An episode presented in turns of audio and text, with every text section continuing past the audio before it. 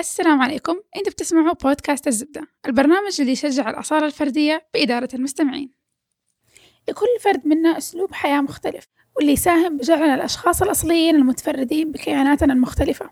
في حلقتنا لليوم بنناقش أساليب الحياة المختلفة ونتطرق للسفر بأبسط معانيه وكيف ممكن يصير أسلوب حياة. ضيفتنا هي غدير الشبيلي غدير هي مدونة وهي مهتمة بالسفر والثقافات المختلفة واللغات.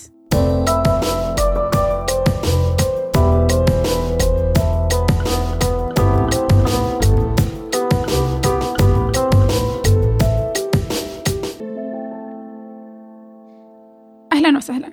أنا فاطمة وإحنا بنسجل من الاستوديو الجديد. أهلا وسهلا. غدير شبيلي آه، دائما في طريقة عشان نخلي الأشياء إنها تحصل. There is always a way to make it happen. I believe in this so. آه، أنا أهداب اسكندر والجو في جدة مرة خطير. صراحة اللحظة شكيت إني في جدة. أوه. غدير أعرف إنك تحبي تسافري صح؟ مهتمة أيوة بالسفر. متى كانت اللحظة اللي حسيتي فيها أو أنا أحب السفر لذلك راح أتخذ السفر أسلوب حياة لي آه، قبل كل شيء السفر من واحدة من الأشياء اللطيفة أو الرهيبة في الحياة بس مو أرهب شيء ولا كل شيء. حبي للسفر زي حبي للاستكنان في المكان اللي أكون مستقرة فيه زي حبي إني أروح دوامي بالدراجة زي تقريبا نفس المستوى. بس قديش أنا أبغى أسويه هنا الفرق؟ ما أعتقد إني أبغى أكون الشخص اللي 24 ساعة من بلد لبلد. آه، أبغى أستمتع بكل لحظة وإذا جات فرصة إني أنتقل لمكان أو أكون في مكان آخر ما حأقول لا حسب المكان وحسب الفرصة. بدأت أشعر إنه السفر من الأشياء الجميلة أو من الخيارات الحياة اللطيفة لما بديت أفهم إنه السفر مو بالضرورة يكون مرتبط بتذاكر ومطار وتروح وتجي وفندق وما أعرف إيش. لما بديت أستوعب إن أنت ممكن في مدينتك تقدر تسافر. أنا من مكة ونقلت جدة 2016 آه، لهدف الدراسة. ولما نقلت رغم انه اللي يقول مكة وجدة واحدة بالنسبة لي مرة ما كانت واحدة اوف كورس إنه في مكة في أماكن محددة أنا أروحها. ما كان عندي مفهوم سفر ولا حاجة. حياتي كلها في مكة فما أفهم خارج مكة إيش بيصير فعلا. فلما نقلت جدة صار هذا انتقال نوعية كبيرة. فلما جيت جدة شفت الاختلاف الكبير اختلاف كل شيء بالتفاصيل الصغيرة حتى. بعدين حسيت إنه أوكي إيش بعدين؟ حبيتي هذا الاختلاف؟ الاختلاف هو اللي خلاني أو الفضول في المكان الجديد هو اللي خلاني أدافع إني أسافر. والسفر بمعنى الانتقال. الانتقال من مكان لمكان من حال لحال من فكر لفكر من وعي لوعي. نحن دائما في حالة مستمرة من السفر والترحال. فبديت أسافر في جدة. كنت أروح مناطق ما أعرفها. أشيل الشنطة أحط فيها لبن وتمر وأروح كذا أستكشف. وأضيع أروح أقابل ناس ما أعرفهم. فكان كأني حرفيا في برا بس في السعودية. أيوة. في, في المدينة اللي أنا نفس الكلام اللي أنا أتكلم. بالضبط. بس سبحان الله إنه كل منطقة فيها اختلاف كبير. فمن بعدها حسيت إنه واو التجربة كانت مرة مختلفة. فصرت أسافر لمكة. بس ما كنت أروح عشان أزور أهلي كنت أروح الحرم وأعيش التجربة كسائحة رغم إنه أنا عشرين سنة عشت في مكة. أيوة. بس كانت مختلفة لما رحت وأنا سائحة ماني من أهل البلد. رحت وكأني ما أعرف ولا حاجة فيها. إيش الأشياء اللي الناس تسويها؟ يمكن لأنه ألاحظ لما تروحي المكان عادة يكون عندك فكرة مسبقة في بالك. بالضبط. فلما إحنا مثلا أهل مكة لما نروح الحرم كأن إحنا بنقول زي مثلا لما أي واحد فينا هنا يقول بروح بيت أحد بروح بيت أيوة. أحد فبالنسبة ل...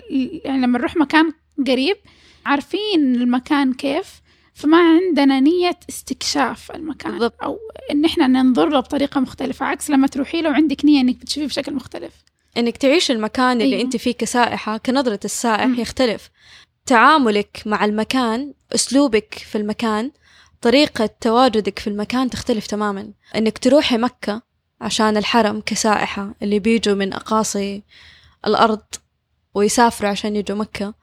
آه اللي بيطلعوا جبل النور عشان يعملوا هايكينج. آه اللي الأنشطة اللي بيسووها السياح في مكة مختلفة عن ال- ال lifestyle أو النمط اللي بيعيشوه أهل البلد أو المقيمين فيها. آه فالاختلاف هذا خلاني أدرك أنه أنا ما أحتاج مكان بعيد ما أحتاج مكان غريب مرة. أنا في نفس المكان أقدر اللهم أني أغير نظرتي للمكان أو طريقة ذهابي إلى هذا المكان. آه الناس اللي بتروح الحرم مثلا لمجرد العبادة يختلف عن الناس اللي بتروح للعبادة وللتعرف على الناس واستكشاف يعني الثقافات الموجودة اللغات الجنسيات الموجودة المختلفة. استشعار المكان آه، بكل ما فيه من أشخاص من تفاصيل صغيرة.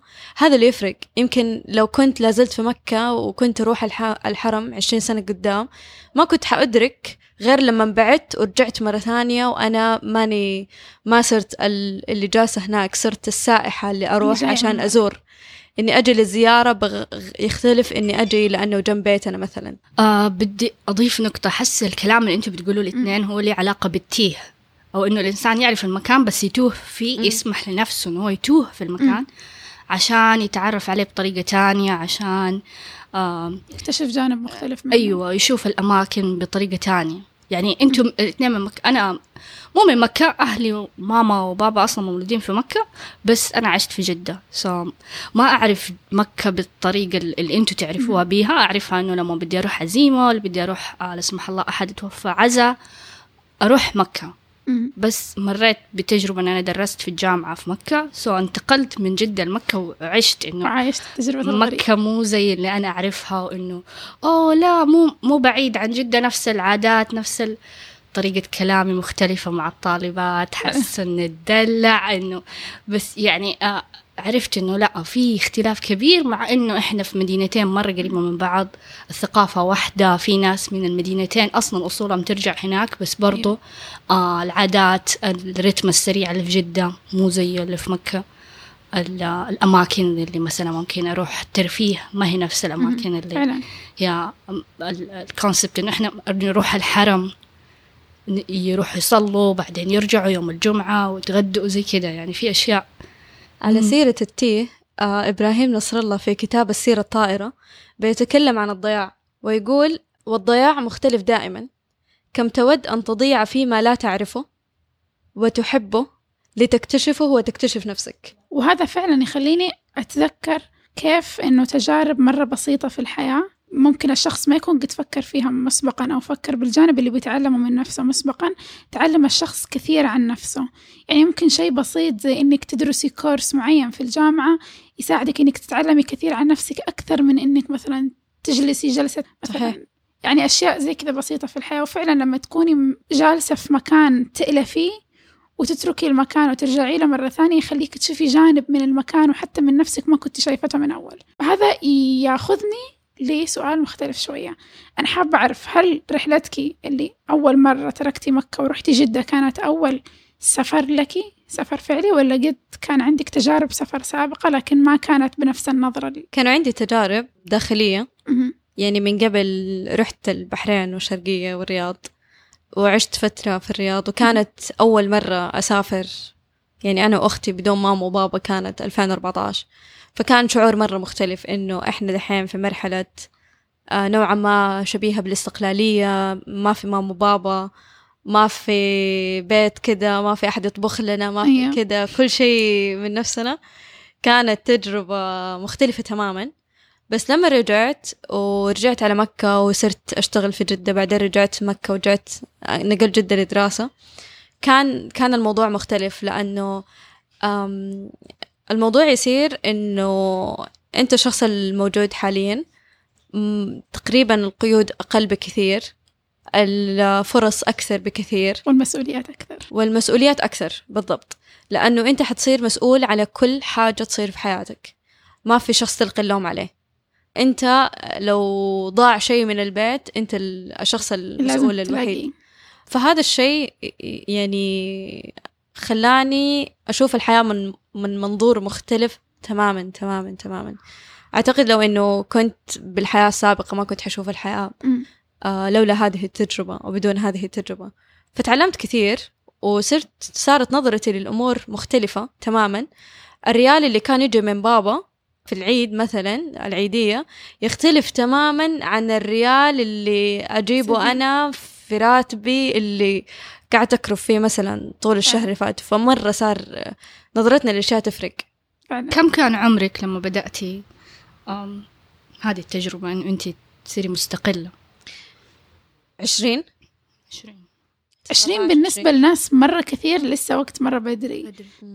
أنا أفتكر أول مرة عشت تجربة استقلالية وحدي في مكان ما في أهلي ما في شيء كانت وأنا 16 17 سنة. شاء الله. في واحدة من الحلقة اللي نشرناها آخر حلقة كانت حلقة الإدمان. ذكر فيها الدكتور علي إنه البشر انقسموا لنوعين. المغامرين اللي أعتقد إنك أنت واحدة منهم. والثانيين الناس اللي يفضلوا يبقوا جنب الحيط أو يفضلوا إنه يكونوا دائما محاطين بالأشياء اللي يعرفوها ويسووا بس الأشياء اللي يعرفوها واللي يلفوها عشان إحساس الأمان. أنا يمكن أكون شوية من هنا وشوية من هنا لأني مو مرة من الناس اللي تخاف تجرب لكن في أشياء تصير لي لما لما أقرر أجرب تخليني أفضل إني أبقى في الجانب ال- أيوة. الآمن. الآمن. متى كانت اللحظة اللي حسيتي إنك أنت من الناس اللي واو أنا أحب المغامرة أحب شعور الأشياء الجديدة أحب شعور التجارب الجديدة؟ طبعا في معلومة بسيطة يمكن آه، تصدم الكثير.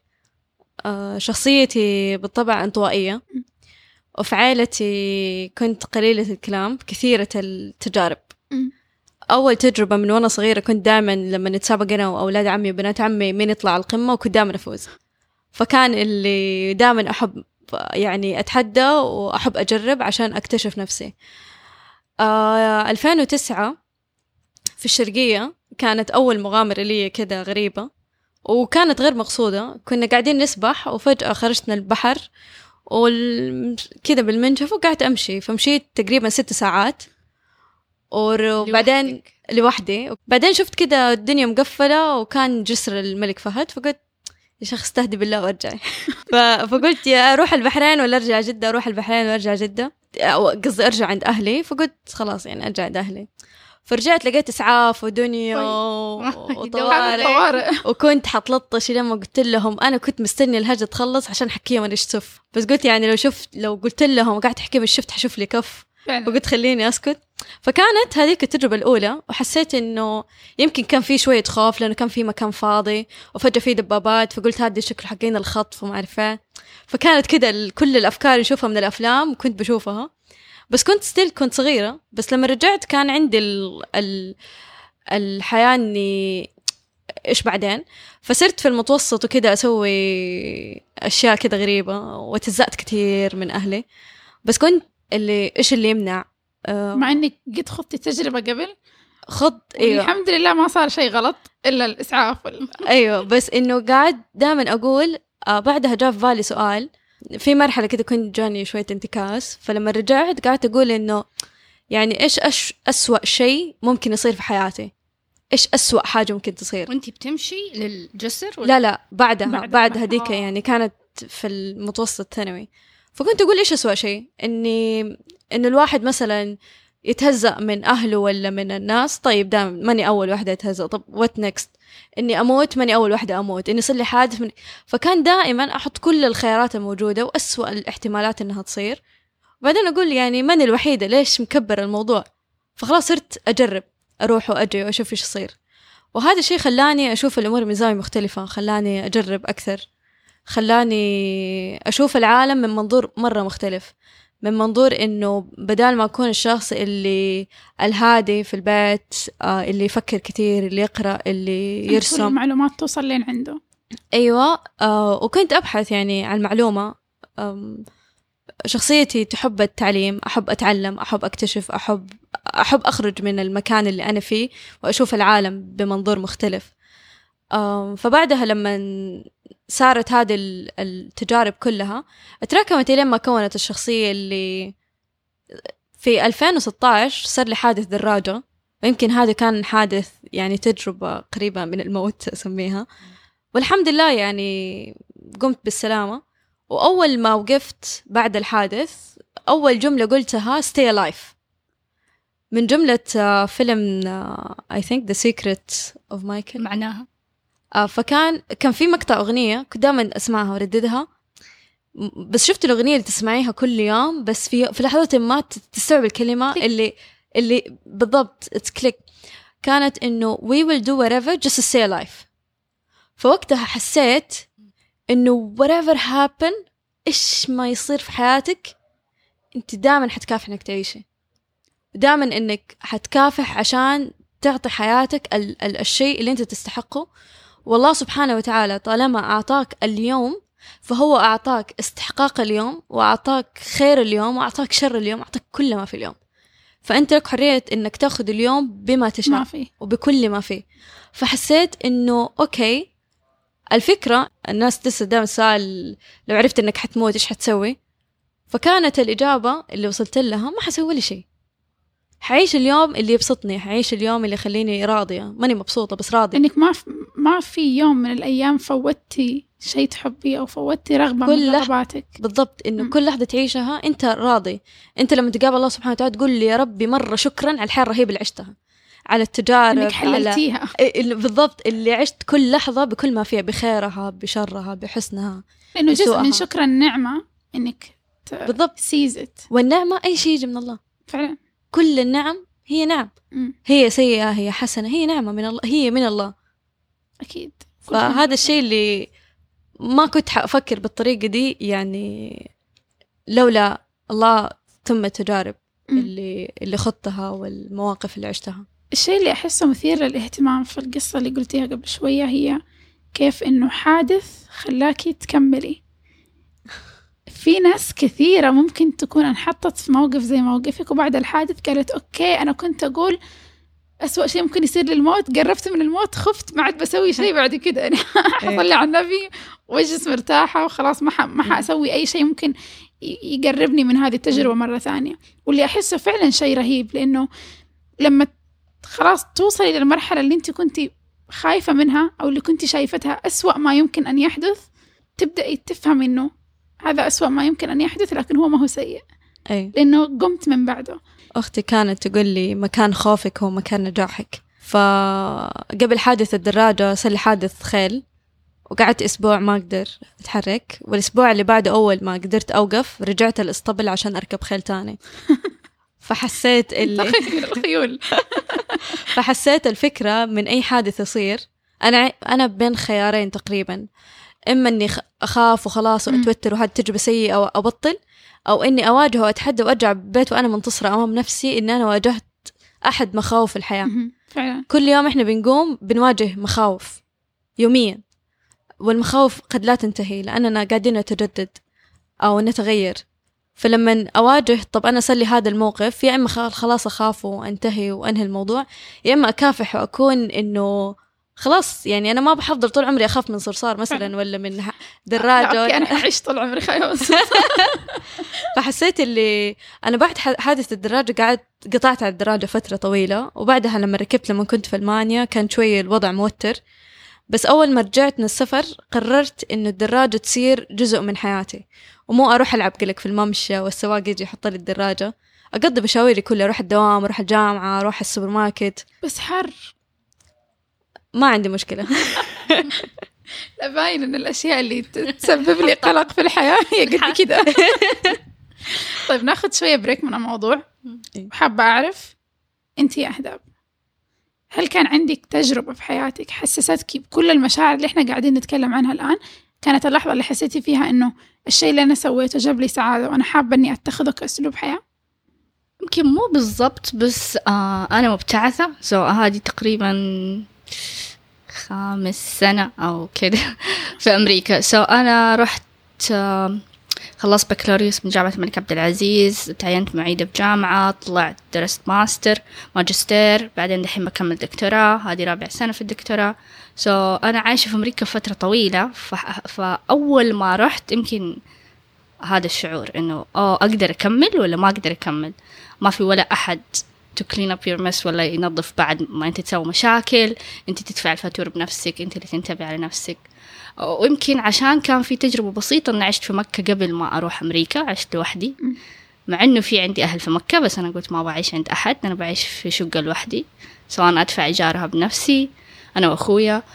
آه ندفع الفواتير بنفسنا ندبر أمورنا. سو كانت هذه يمكن شوية ت- ت- تساعدني إنه يعني هل أقدر أستقل ولا ما أقدر أستقل. و وكيف كانت مختلفة عن تجربة لما انتقلتي من أنت وأخوكي لأنك تصيري مبتعثة هل أنت وحدك؟ لا برضو مع أخوي بس أوكي. يعني أنا أكبر واحدة بس. كيف كيف حسيتي ال- الاختلاف ساهم في تغيير الفكرة اللي انت تبنيتيها بعد ما عشتي وحدك في مكة الاختلاف في المكان نفسه الاختلاف في اللغة إنه أنت في مكة تقدري تدبري نفسك ما حيصير شيء يعني هي مكة. أسوأ حاجة ممكن ما حيصير شيء. لو بدك ما عندك مواصلات عادي امشي على الشارع خذي تاكسي وروح المكان اللي تبغيه. آه بس في أمريكا كيف كيف في أماكن معينة ما تقدري تروحي لها؟ آه عشت في كليفلاند أوهايو عشت في شيكاغو عملت ماستر. آه ودحين دكتوراه في بوسطن. so في أماكن معينة في شيكاغو مو كويسة الواحد يروح لها في الليل. منطقة- وهذه الأشياء عرفتيها كلها بالطريقة الصعبة. بالطريقة الصعبة جدا. الآن إحنا تكلمنا على تجربتك أنت اللي تبدو مختلفة تماما عن تجربة غدير. ويجي ببالي موضوع اللي إحنا ذك... كلمة ذكرناها إحنا وإحنا بنتكلم اللي هي ال lifestyle أو أسلوب الحياة. كل واحدة فيكم عندها أسلوب حياة مختلف. وبالنسبة لناس كثير وأنا منهم أسلوب الحياة بالنسبة لي هو مجرد كلمة. ما أعرف فعليا لما أحد سألني إيش أسلوب حياتك والله تعرفوا أنا ما أعرف إيش يعني أسلوب حياة. فبالنسبة لكم لو أحد سألكم مو إيش أسلوب حياتكم؟ لو سألكم إيش تعريفك لأسلوب الحياة؟ كيف ممكن تقولي له ال- ال- الإجابة تبعك؟ بالنسبة لغدير أسلوب الحياة هو كيف تقضي ال 24 ساعة اللي عندك. إيش الأشياء اللي تسويها؟ وهو يتمحور أو يتركز حول آه، عجلة التوازن الموجودة في الحياة. تتضمن الجانب الروحي الجانب الاجتماعي الجانب الأخلاقي الجانب المهني الجانب الثقافي الجانب الفكري الجانب الترفيهي. الجانب الصحي والجانب الاجتماعي. فكيف إنه كل يوم بتعطي هذه الأشياء حقها آه، خلال ال 24 ساعة اللي عندك.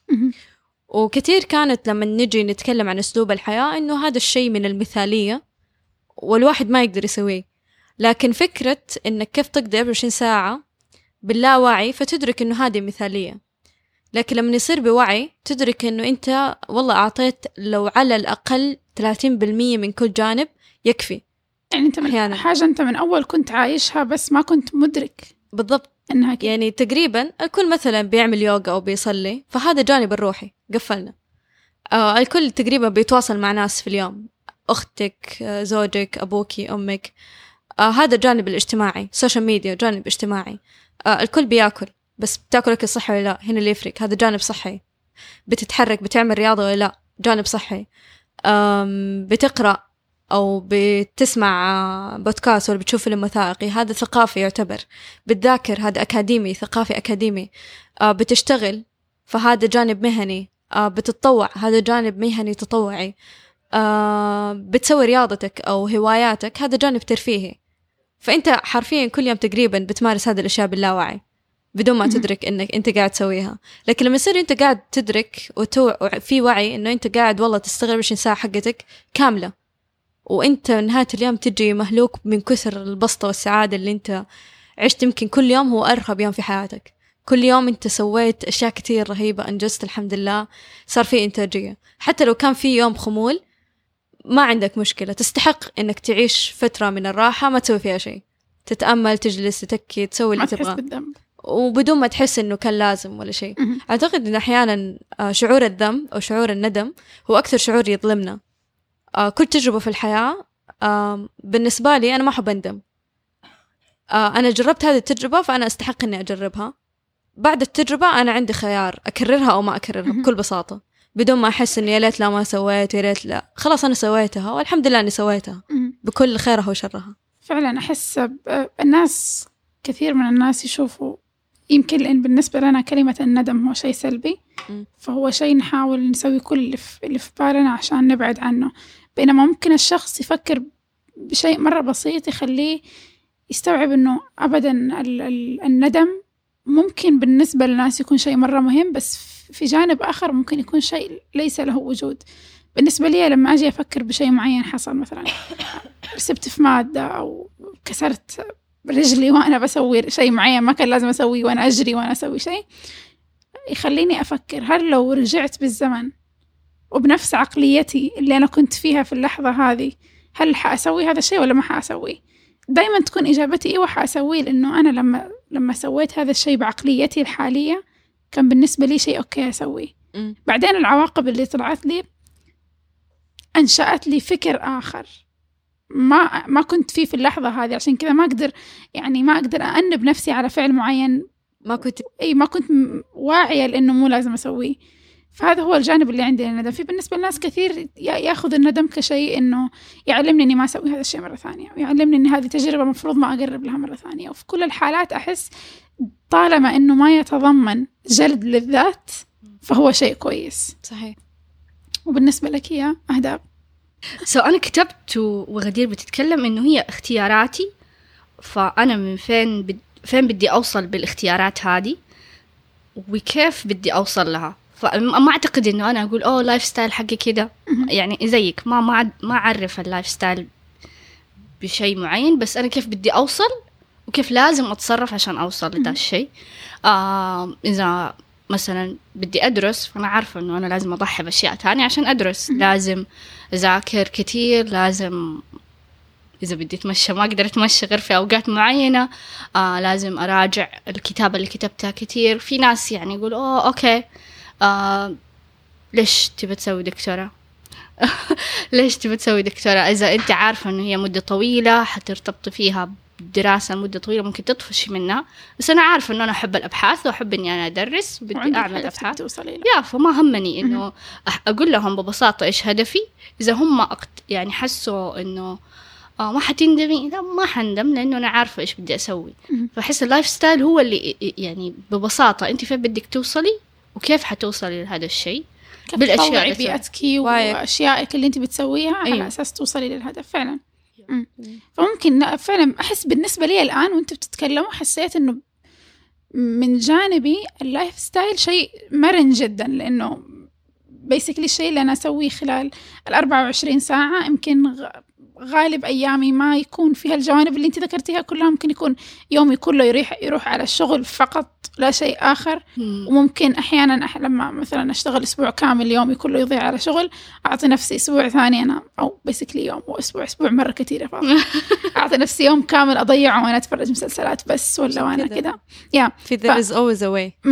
فأحس إنه مو بالضرورة الشيء اللي أنا أسويه خلال 24 ساعة لكن خلال فترات مختلفة لأنه ممكن في فترة لفترة يكون مختلف ويكون مرن على حسب احتياجات كل فترة. تكلمنا قبل شوية أو الشيء اللي خلاني بتكلم عن ال lifestyle هو إن إحنا قبل الحلقة تكلمت معاكم وتكلمت بالضبط معاك يا غدير عن جانب السفر.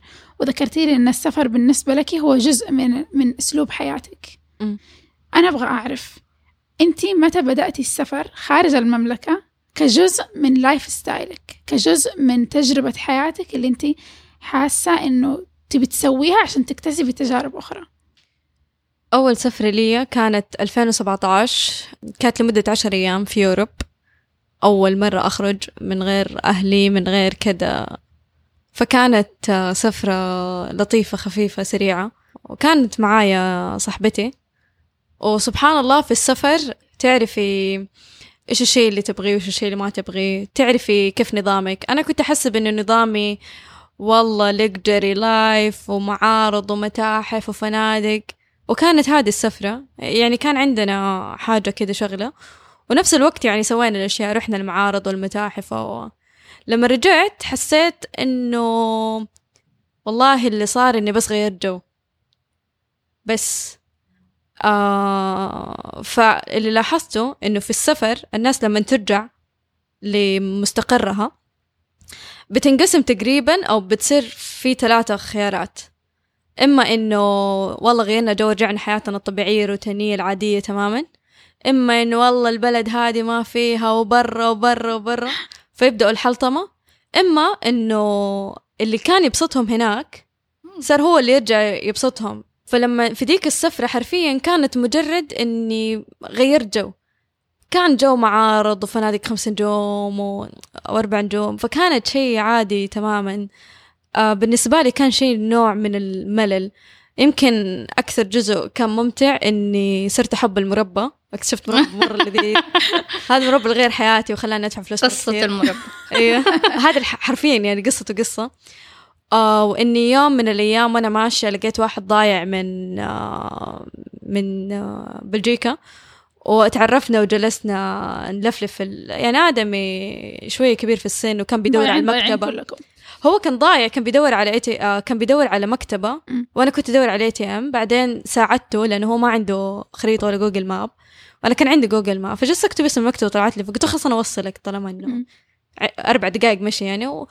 وكان يعني أربع دقائق لطيفة وكملنا بقية اليوم يعني. قعدنا نقرأ كتب ونتكلم. طلع مجاله في أحد المجالات اللي أنا مرة مهتمة فيها. كنت بدور على أحد فيها مجال الطاقة المتجددة. آه فكان interesting فحسيت لما رجعت إني إني أقابل ناس ما أعرفهم أو غربة. موضوع مرة مثير للاهتمام. أو أنا لما جربته بسطني. آه إني أروح ديزني لاند وأنبسط زي وأرسم على وجهي فراشة مدري إيه. موضوع مرة يبسط. وإني أجرب كوكيز وأشياء كذا أكل وأشوف كيف هذا قاعد يتخبز وما أعرف إيه وأتعلم شيء جديد. يبسطني. بس ما كنت أوعى بيها. يعني رجعت عادي. والله غيرنا جو ورحنا Europe ورجعنا. وحرفيا السفرة ديك أنا استغربت. يعني طريقتي ما كانت كأني أول مرة أسافر حسيت كأني سافرت من قبل. بس ما أعرف كيف بس ما حسيت اللي الحمد لله ما تسرقت ما تورطت ما ولا شيء كأنه ما شاء الله ما أدري كيف فهمت الأشياء. فلما رجعت قلت okay كان مجرد تغيير جو. بعدها بدأ مفهوم السفر. بدأ إني من بعدها أنا بديت أسافر لمكة من بعدها بديت أسافر المدينة. أنام في الحرم معايا ال backpack آه عندي تمر و- وموية. وكنت آه أطلع وأشوف قديش أنا حأصرف وصرفياتي واستقلالياتي الكلام هذا كله. و- والصرفيات ساعدتني أعرف أصلا إيش توجهاتي أو إيش الأشياء اللي بصرف فيها. مم. الناس اللي بتصرف في أكل يفرق عن الناس اللي بتصرف في دورات مثلا. فمرة كان يفرق. فبعدها 2018 هذه السنة في May لما سافرت كانت كان concept جديد ومفهوم جديد للسفر اللي هو تذكرة واحدة. آه، أنا سافر تذكرة الاتجاه واحد. أيوه اتجاه. واحد. one way ticket أنا ما أعرف متى أرجع أنا ما أعرف قديش حجلس أنا ما أعرف كم عندي أنا ما أعرف فين حنام أنا ما أعرف ولا شيء. ما أعرف متى. بالضبط يعني بس قلت يلا نشوف. ولقيت تذكر أرخص يعني تذكر لقيتها ذاك اليوم وكان بعد أسبوع بالضبط. فقلت okay أنا حطلع حاخذ course حاشوف كذا الوضع آه وما أعرف بعد إيش حيصير. وكانت تجربة مختلفة تماما تماما تماما. هي اللي فعلا غيرت من ال lifestyle حقي هي اللي غيرت من طريقة آه، تفكيري تماما. هي اللي خلتني أشوف الحياة من زاوية ما قد شفتها من قبل. لأنك ما كنت مخططة للأشياء اللي أنت حتسويها لما ولا كنت مخططة ولا لأي شيء في الحياة. حلو. وكل اللي كان عندي يمكن بس 500 يورو. تجربة جديدة بالكامل بالكامل. ولا شعور إنك ما تعرفين حتنام مين حتقابلي إيش حتاكل إيش حتشربي وكان رمضان والناس صايم وما حد فايق لك وقاعد آه، تجاهدي نفسك كثير فكان كان شعور غريب آه، كذا تضارب مشاعر بس وقتها قلت يعني غدير أنت حطيت نفسك في دي تكمليها. فكمليها وشوف إيش حيصير يعني إيش اسوى شيء من جديد يصل لك. يعني أتوكل على الله خذي بالأسباب سوي اللي عليكي خلاص. يعني ش- شوفي الحياة فين حتوديكي والحياة ودتني المسارات ما كنت اتخيل في يوم من الأيام إني أروحها. وخلتني أشوف أشياء ولا في يوم من الأيام تخيلت إني أشوفها. في جانبين أنا حابة إنه نتكلم عنهم في هذه الحكاية. الجانب الأول هو لما قلتي لأهلك هي أنا بروح وحدي. جانب واحد. هذه هي النقطة. one way ticket ما أعرف إيش حسوي ما أعرف كيف حروح ما عندي إلا 500 يورو كيف حدبر نفسي؟ لا طبعا ما تقولي لاهلك ذا الكلام إيش كنت كيف فاتحتيهم بالموضوع؟ ولا فاتحت ولا شيء. كيف؟ والله قلت يعني ما قلت إني حطلع آخذ course وأنا محفوله مكفوله ما أحتاج تدفع ولا شيء. wow. وبابا من ال shock كذا من الصدمة قال لي تحتاج أحد يوصلك المطار؟ قلت له تسلم.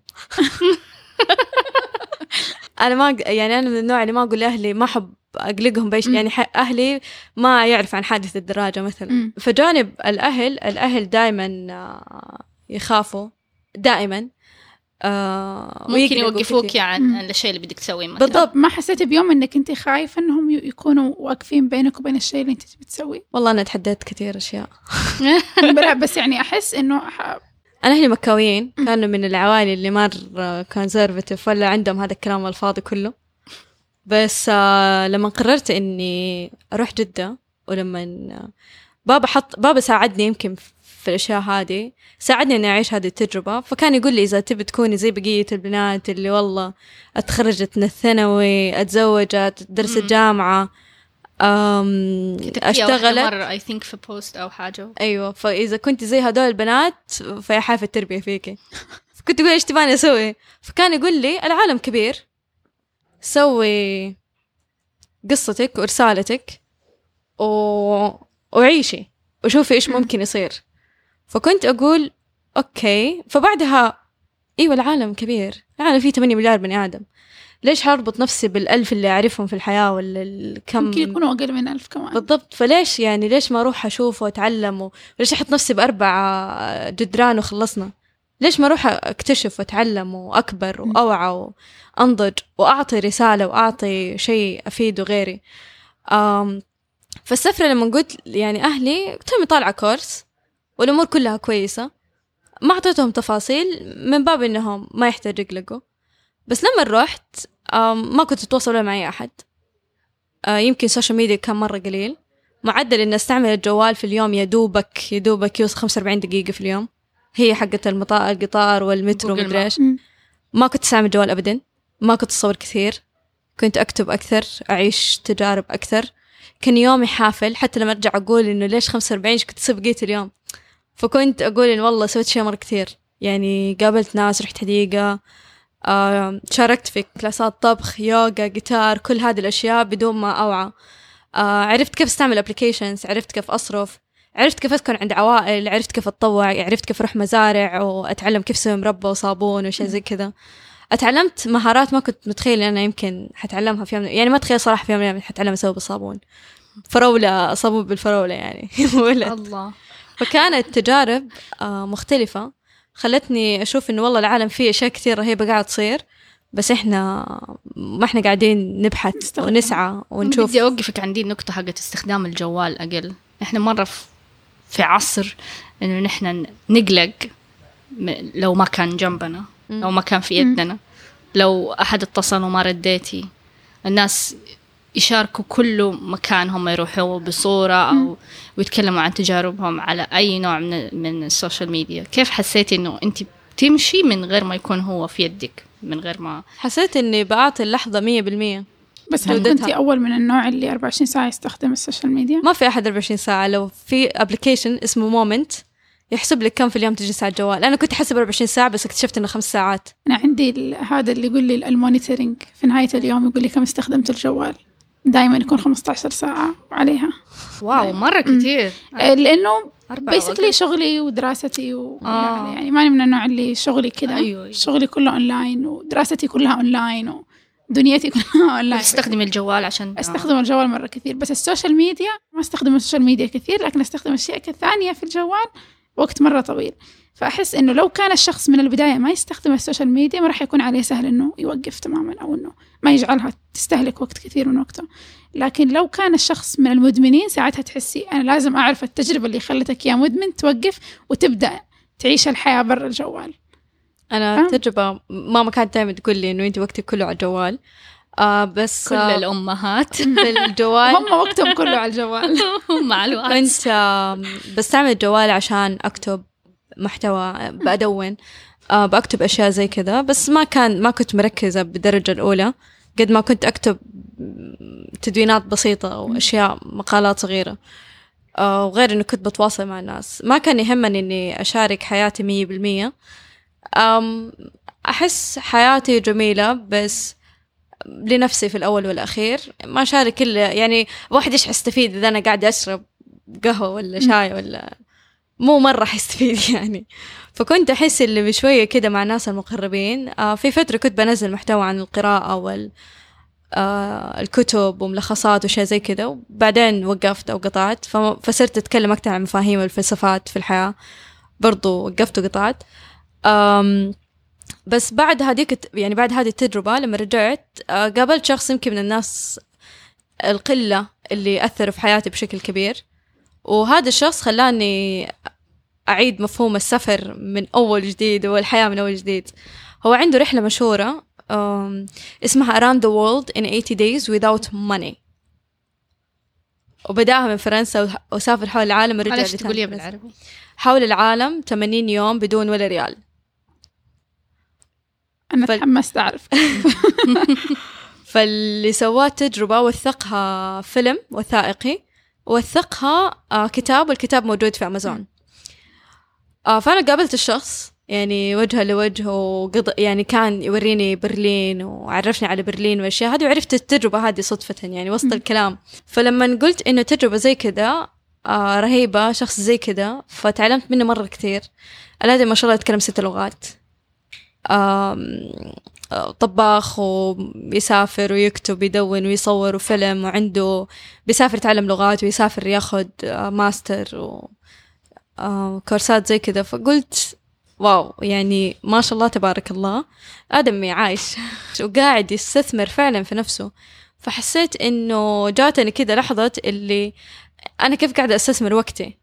كيف قاعدة أستثمر يومي؟ كيف قاعدة أستثمر معرفتي وعلمي؟ كيف قاعدة كيف قاعدة أعيش؟ باختصار مم. كيف حياتي؟ لو أنا برا حياتي وقاعدة أراقب نفسي كيف ح... كيف حيكون أشوف؟ كيف ح... كيف أصحى؟ كيف أنام؟ كيف التفاصيل الصغيرة هذه. آه، كيف نبرة صوتي؟ كيف ال... آه، كيف أشرب؟ كيف آكل؟ كيف أضحك؟ هذا كله lifestyle هذا كله نمط حياة هذا كله أنت. مم. هذا كله أسلوبك. آه فكان كان مرة يفرق. كان مرة يفرق كتير. فوقتها حسيت اللي غدير غدير يعني شوفي حياتك شوفي إيش قاعد تسوي. فبعدها لما رجعت ما سويت ولا أي حاجة. اليوم اللي كنت أعيشه في ألمانيا عشته في السعودية. أروح دوامي مشي ولا أروح بالدراجة. آه إذا مرة مسافة بعيدة وعندي موعد أروح بكريم. أطبخ ما أروح مطاعم ما أكل من مطاعم. أروح الممشى أقرأ أكتب. أرسم أعزف جيتار أسوي كل الأشياء. ومنها من شوية أشياء إني أستخدم الجوال. حتى واحدة من الأشياء الغريبة اللي سويتها أنا أول ما رجعت قررت إني أبيع كل أغراضي. عندي ملابس بعتها وعملت جراج ومين يشتري وبعت عبايات وجزم وصنادل وكل شيء كل شيء بعته. وكان السبب إنه ليش ليش عندي ستين صندل ولا ستين عباية ولا ستين لبس ولا ستين؟ ما أحتاجهم ما بلبسهم.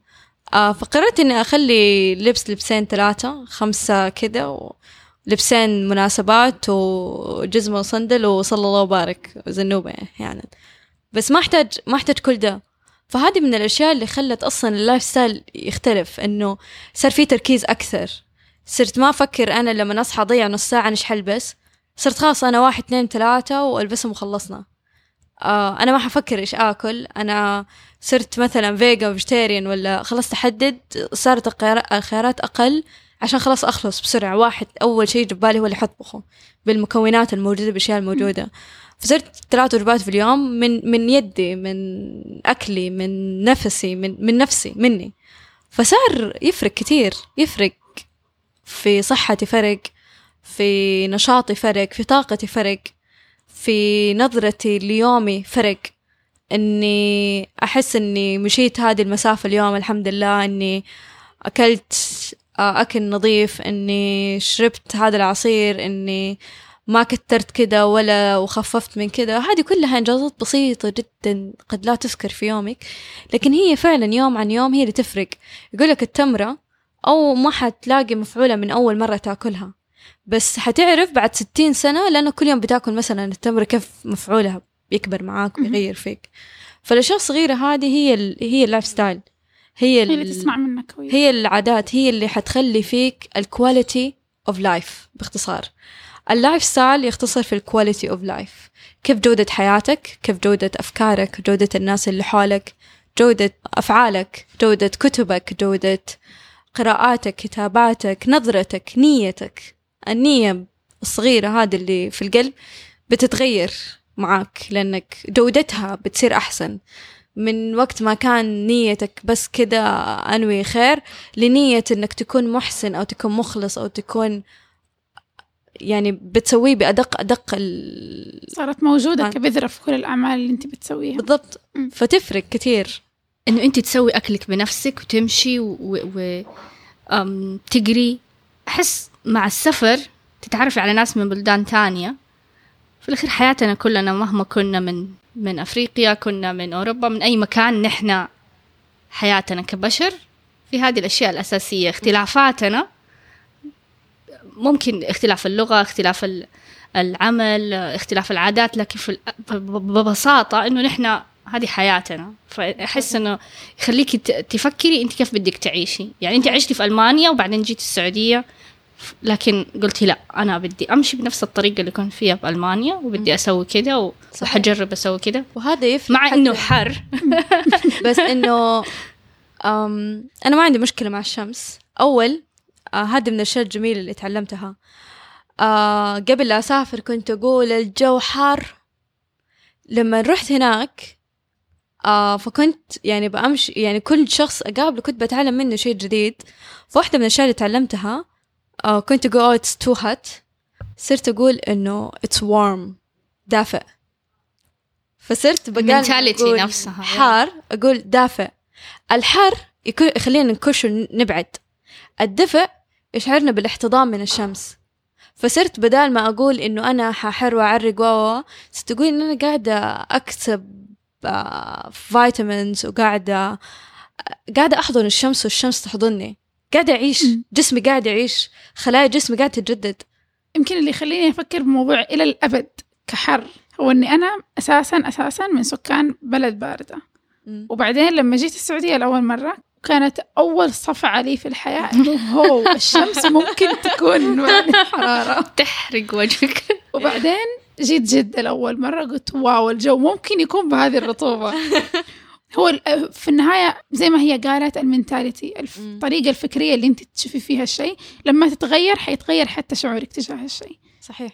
يمكن هذا يكون جزء من لغة تانية إنه آه، تسمي الشمس آه ولا ما ما يقولوا كده يقولوا حر. ما أعرف أنا فكرت كده إنه آه شكرا في واحدة تكلمت في TEDx عن إنه اللغات هي اللي من صنعت الشعوب. مم.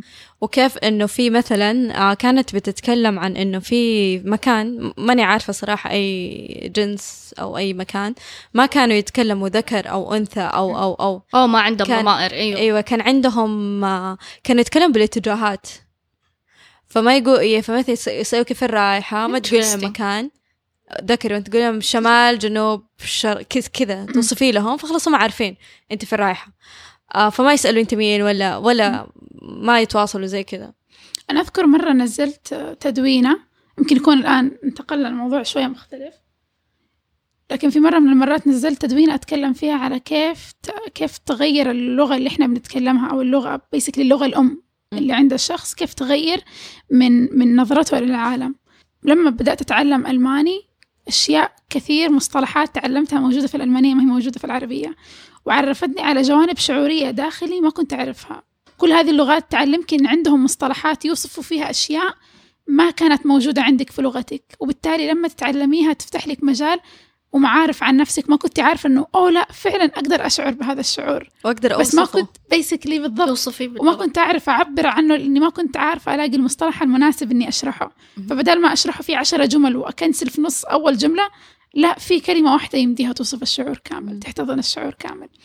فأيوة أحس إنه زي ما أنت قلتي لما تتعرفي على ناس من ثقافات ثانية ويجوا تكونوا في مكان واحد حاسين بنفس الشعور يرموا لك إياها ككلمة وكلمة تعبر عن شعور أنت ليكي عشرين سنة حاسة بس ما أنت قادرة تعبري عنه أيوة هذا جانب آخر من وممكن يخليك تشوفي الأمور اللي بتعيشيها من زاوية مختلفة مم. فعلاً. يعني الشمس اللي تقولي طول عمرك إنها حارة آه صرت تقولي إنه الشمس دافيه تجارب زي كذا أحس مرة تعلق في الذاكرة أو مثلا لو في- من في مكان ما يمطر أول مطرة حسيتي فيها على جسمك وأنت برا تقعد داق في ذاكرتك. أول ثلج حسيتي فيه. أول مرة سدحتي في الثلج سويتي الفراشة. أشياء زي كذا دائما تعلق في الذاكرة وتحسي كل مرة بتفكري فيها بتبين لك شيء أنت كنتي ما كنتي حتحسي فيه إلا لو كنتي عشتي هذه التجربة. صحيح. هذا يخليني أحس إني أبغى أختتم الحلقة الجميلة هذه. وبثلاثة أفكار لثلاث حلقات إن شاء الله في المستقبل لازم نجيبكم نتكلم فيها مرة ثانية. وننتقل لفقرة الزبدة. إيش الزبدة تبعك؟ يا أهداب هو هي الزبدة صراحة من الأشياء اللي تعلمتها من غدير. مم. يعني إيش أسوأ, أسوأ شيء ممكن يصير.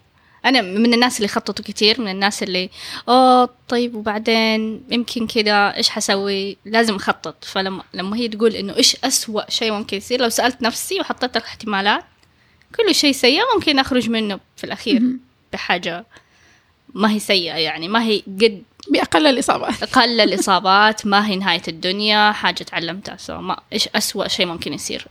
كل ما تتردد تفكر إيش أسوأ شيء ممكن يصير. فعلا. وغدير؟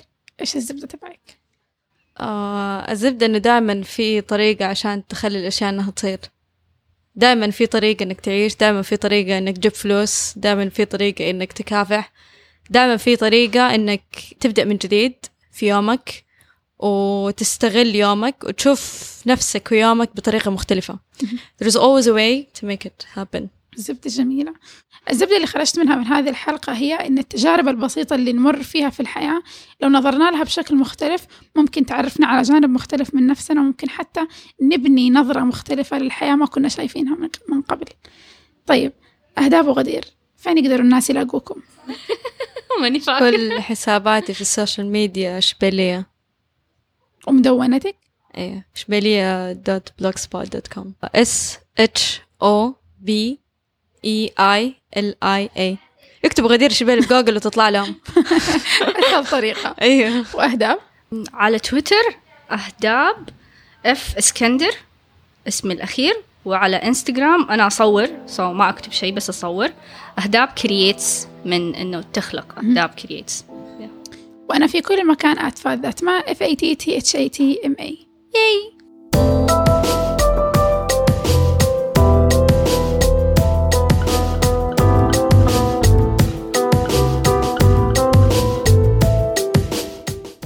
شكرا لاستماعكم لا تفوتكم أي حلقة من الزبدة. اشتركوا على ساوند كلاود آي تيونز أو أي بودكاتشر والزبدة صار بودكاست شهري بإدارة المستمعين انتو.